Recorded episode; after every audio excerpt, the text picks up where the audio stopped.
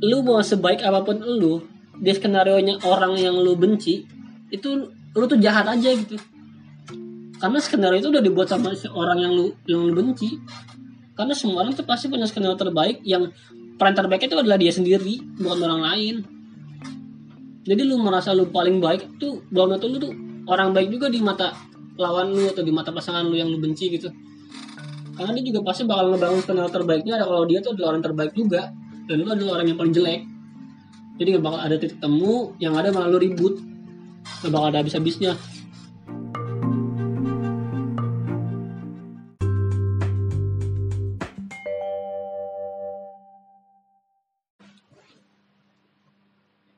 Assalamualaikum warahmatullahi wabarakatuh. Eh, Selamat datang di podcast ini. Uh, Gue ngerekord suara ini, gue bikin podcast ini Hanya bagian dari stress release Gue um, Gue ngeluarin unek-unek yang ada di pikiran gue Jadinya Ya ini hanya bagian dari perspektif pemikiran gue Jadi belum tentu benar dan belum tentu salah. Jadi kalian yang mendengar ada nggak ya yang dengar ya? ya semoga aja ada yang dengar gitu tapi uh, buat nanti kalau misalkan ada yang dengerin gitu ini hanya bagian dari opini gue dari perspektif yang gue lihat yang gue cerna yang hasil olah pikir otak gue gitu. Jadi uh, terserah kalian mau nanggepinnya gimana gitu. Ya semoga aja sih baik insightnya dapat ke kalian dan semoga ada manfaatnya buat yang dengerin. Amin. Hmm,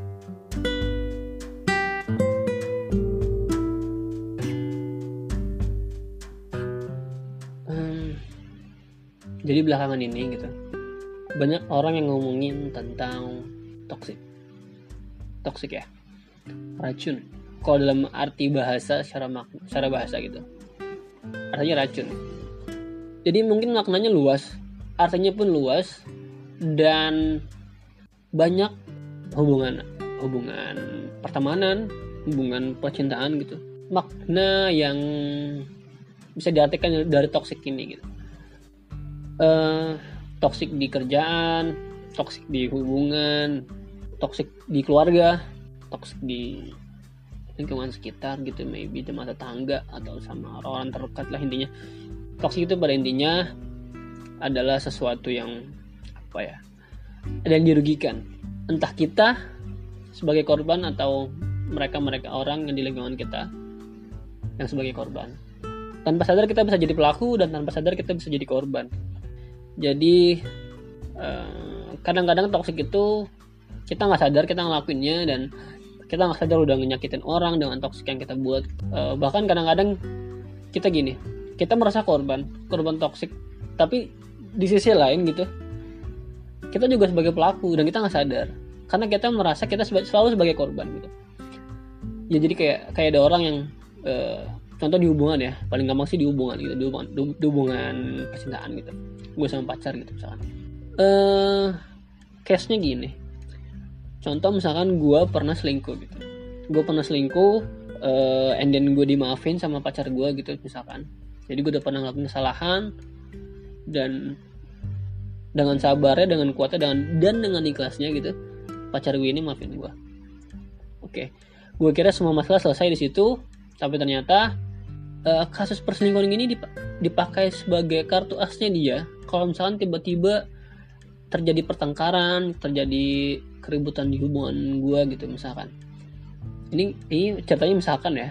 Jadi belum tentu terjadi sama diri gue juga gitu. Ini gue perumpamaan aja. Takut ini gue disclaimer takutnya ntar pacar gue atau mantan gue ngira kayaknya itu pernah terjadi deh. Enggak enggak enggak. Ini enggak ini gue perumpamaan aja. Contoh gitu. Jadi misalkan gue selingkuh dan dimaafin gitu.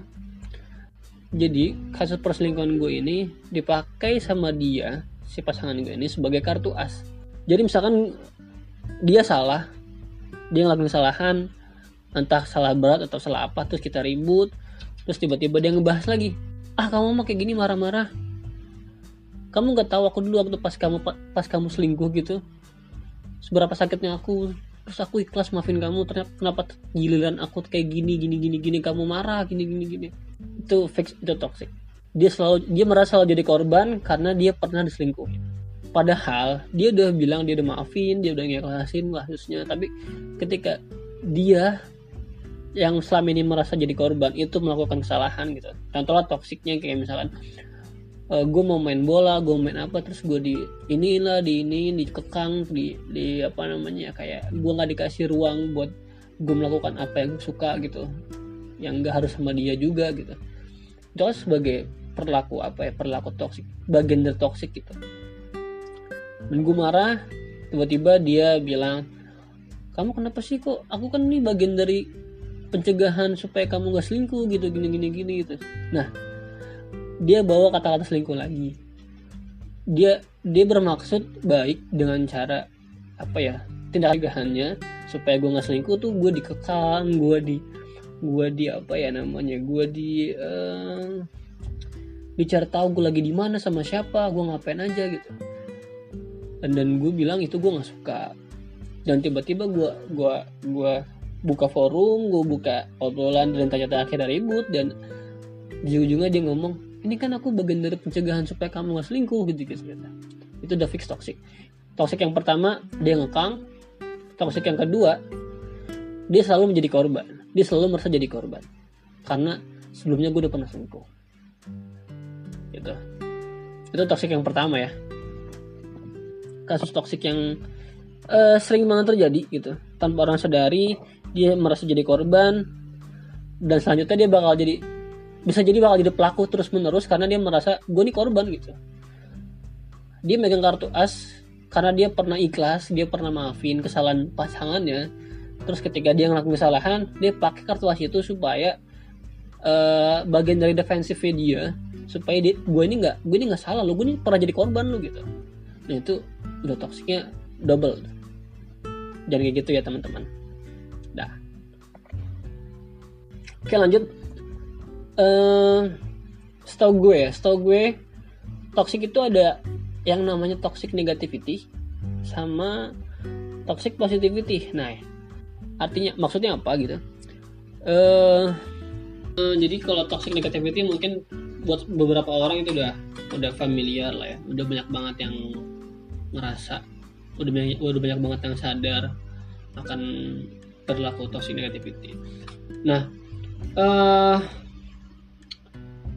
beda halnya sama toxic positivity.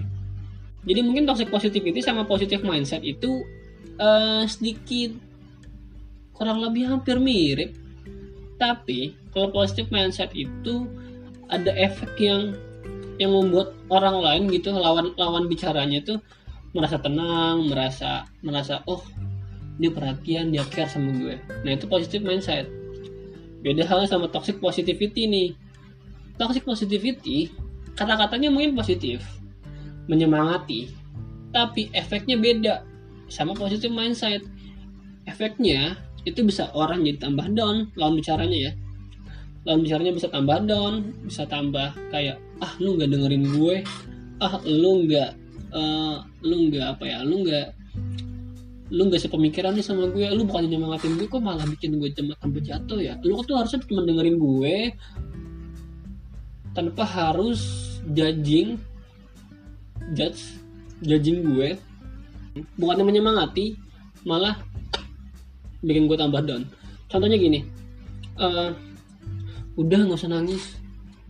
Misalkan gue lagi gue tuh lagi harus banget nangis gitu gue lagi harus banget yang namanya ah ngeluarin semua emosi gue terus temen gue lalu bicara gue ngomong gini udah nggak usah nangis udah stop gak usah nangis. Harusnya tuh lu nggak gitu gitu. Harusnya tuh yuk keluar aja. Keluarin keluarin. Ayo keluarin keluarin keluarin. Udah semuanya pokoknya keluarin. Kalau mau temen ya udah. Lu nggak apa-apa nangis sekarang. Keluarin semuanya. Nangis kenceng-kencengnya se selepas-lepasnya. Tapi nanti abis ini lu jangan nangis lagi. Lu cukup sekarang nangis tapi nanti gak boleh nangis lagi. Oke? Okay? lu nangis sekarang sepuas-puasnya sekencang-kencangnya keluarin semua emosi lu tapi nanti setelah ini gue gue mohon udah stop jangan nangis lagi. Itu yang bagus. Menurut gue. Menurut gue itu bagus. Dibanding sama udah nggak usah nangis lagi. Udah sih nggak usah nangis. Ngapain sih orang itu? Nggak usah nggak usah perlu tangisin gitu. Bro. Orang nggak semuanya bisa kayak yang lu pikirin. Nggak semua orang bisa sama apa yang lu uh, alamin gitu. Mungkin lu bisa nggak nangis ketika diputusin. Mungkin lu bisa nggak nangis ketika diselingkuhin gitu tapi buat beberapa orang yang udah sangat intu banget sama hubungannya gitu dibentak aja itu nangis. Apalagi diselingkuhin. Apalagi diputusin gitu. jadi kalau emang dia bisanya nangis gitu ketika ada masalah ya udah biarin. Biar nangis aja dulu gitu. Jangan malah udah masa nangis. Satu lagi. Ini mas ini kata-kata kalimat yang sering banget terjadi di tongkrongan di mana pun di, per, di pertemanan cowok di pertemanan cewek ini sering banget didengar Woi bro, woi sis, woi brother, woi kak, woi bang, woi ngap. Baik lagi sih kayak yang tadi. Masalah orang beda-beda. Mental orang beda-beda. Kekuatan orang beda-beda. Tuhan ngasih masalah ke umat ya. Itu sesuai porsinya masing-masing. Jadi tuh gak bisa disamain tuh bro. Sis, kak, ngabang, men, brother gitu. Gak bisa tuh disamain masalah lu sama masalah dia. Yang ngalamin dia. Asli gue ketika digituin tuh gue udah stop. Udah gue nggak mau cerita kemudian cabut. Mental lu sama mental dia beda. Satu lagi belum tentu yang yang apa ya masalah yang dialamin itu sama kayak yang pernah lo alamin gitu. Contoh misalkan diselingkuhin. Lu pernah diselingkuhin orang yang pernah selingkuhin lebih dulu dia ngomong ah lu mah cuma selingkuhnya gini gini. Gini gue lebih parah. Asli. Ya elah masa lu cuma segitu? Gue kemarin bla bla bla gini. Gini gini lu mah belum seberapa masalahnya. Itu fuck man lu belum tentu tahu apa yang terjadi belakangan sebelum dia diselingkuhin bisa jadi ini, ini bisa jadi ini perselingkuhan yang ketiga keempat yang kelima. Atau bisa jadi dia selingkuh sama temennya sendiri atau saudaranya sendiri atau keluarganya mungkin. Atau kakaknya atau adiknya diselingkuh sama teman keluarga sendiri. Nggak tahu. Yang tahu cuma dia selingkuh aja gitu. Dia diselingkuhin. Tuh. tapi lu nggak tahu ada cerita di balik semuanya yang udah pernah berentet gitu. Nggak ada yang tahu kan? Jadi stop lu bilang eh, masa lalu cuma segitu. Masa gue lebih besar kemarin dan gue bisa. Kata-kata lu ganti kalimatnya lu ganti. Jangan begitu bro. Itu malah bikin mental dia semakin down ah terus yang bener gimana? Gue nggak tahu yang bener gimana menurut banyak orang cuma kalau menurut gue gini. Kalau yang biasa gue uh, yang bisa gue dapat dari teman-teman terbaik gue gitu ataupun gue juga kasih ke teman-teman gue gini. Gue coba mengerti dulu. Yang pertama harus gue dengar dulu nih masalah dia apa ya. Lu nggak usah ngasih apa-apa dulu lu cuma bisa bilang ketika dia ketika dia cerita sama masalahnya lu cuma bilang coba cerita dulu semua masalah ke gue keluarin semuanya unek-unek dulu cerita ke gue. Gue bakal denger semuanya. Lu dengerin semuanya. Ketika semuanya udah kelar nih masalahnya udah kelar gitu. Ceritanya udah kelar bukan masalahnya udah kelar ya. Ceritanya udah cerita dari masalah tersebut udah kelar gitu. Yang ngelakuin adalah gue nggak tahu masalah ini berefek apa ke lu seberat apa ke lu. Tapi yang pasti kalau gue yang ngalamin itu gue pasti sakit hati. Gue pasti berat dan gue sebisa mungkin ngerti sama apa yang lu rasain. Gue paham apa yang lu rasain. Gue bisa ngerasain apa yang lu rasain sekarang. Itu sakit bro atau atau apa pun. Semoga lu bisa lewatin semuanya. Dan yang harus lu tahu uh, Tuhan ngasih masalah ke umatnya sesuai porsinya masing-masing. Lu dikasih masalah ini oleh Tuhan tandanya Tuhan percaya lu bisa ngelewatinnya men. Uh, lu nggak perlu ngelupain masalahnya lu cuman lu cuman apa ya lu cuman perlu uh, hadapin masalahnya lu jalanin. Udah kelar lu ngomong kayak gitu udah. Tanpa harus lu bandingin. Oh satu lagi. Kayaknya manusia lebih tidak menerima perbandingan daripada direndahkan.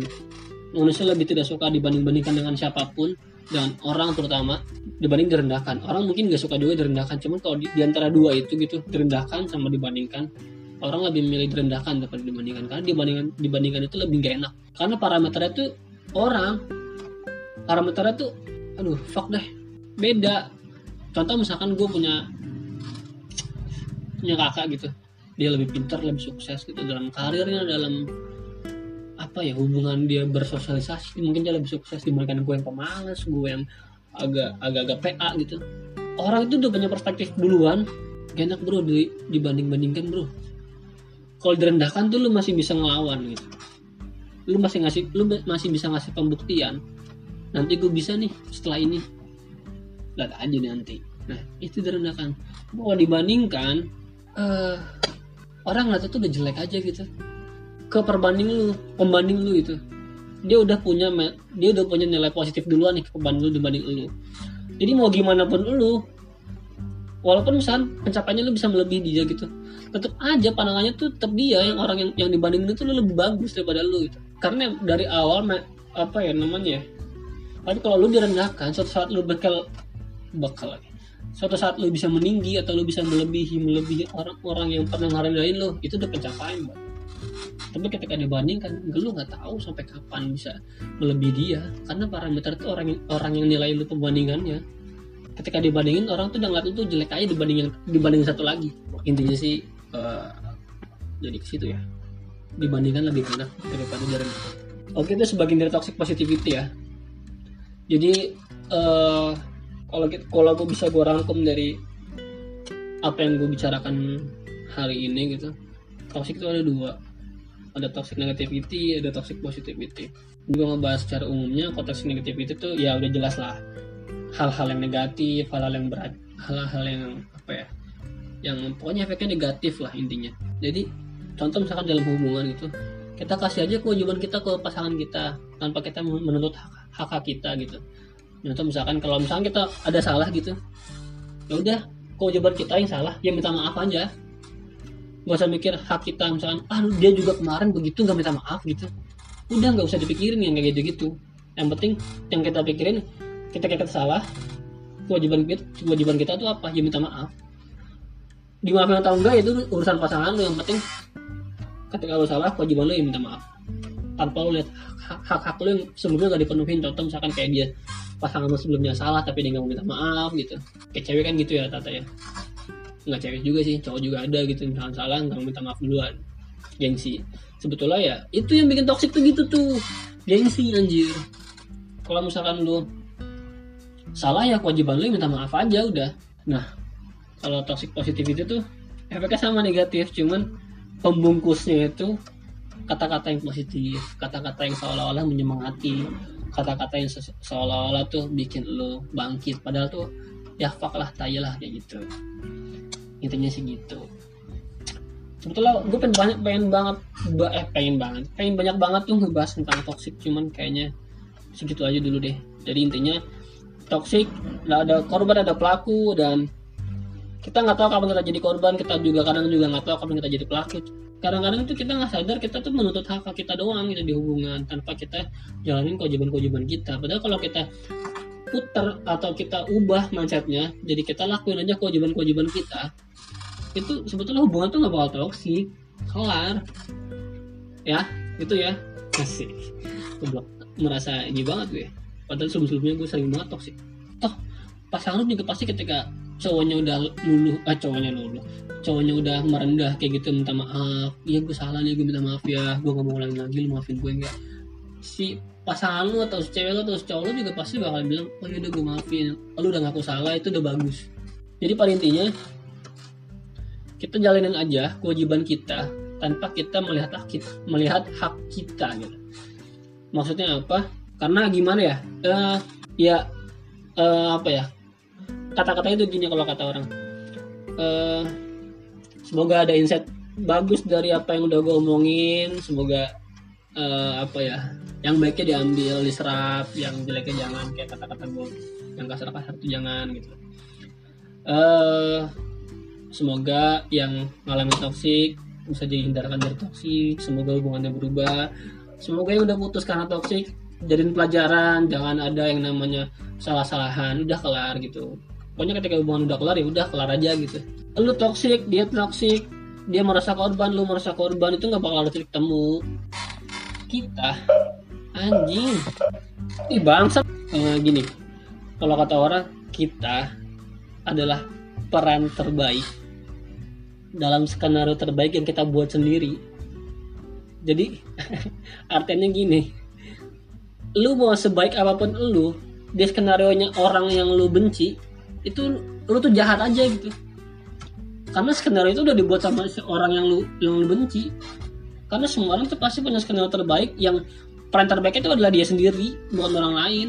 Jadi lu merasa lu paling baik tuh belum tentu lu tuh orang baik juga di mata lawan lu atau di mata pasangan lu yang lu benci gitu.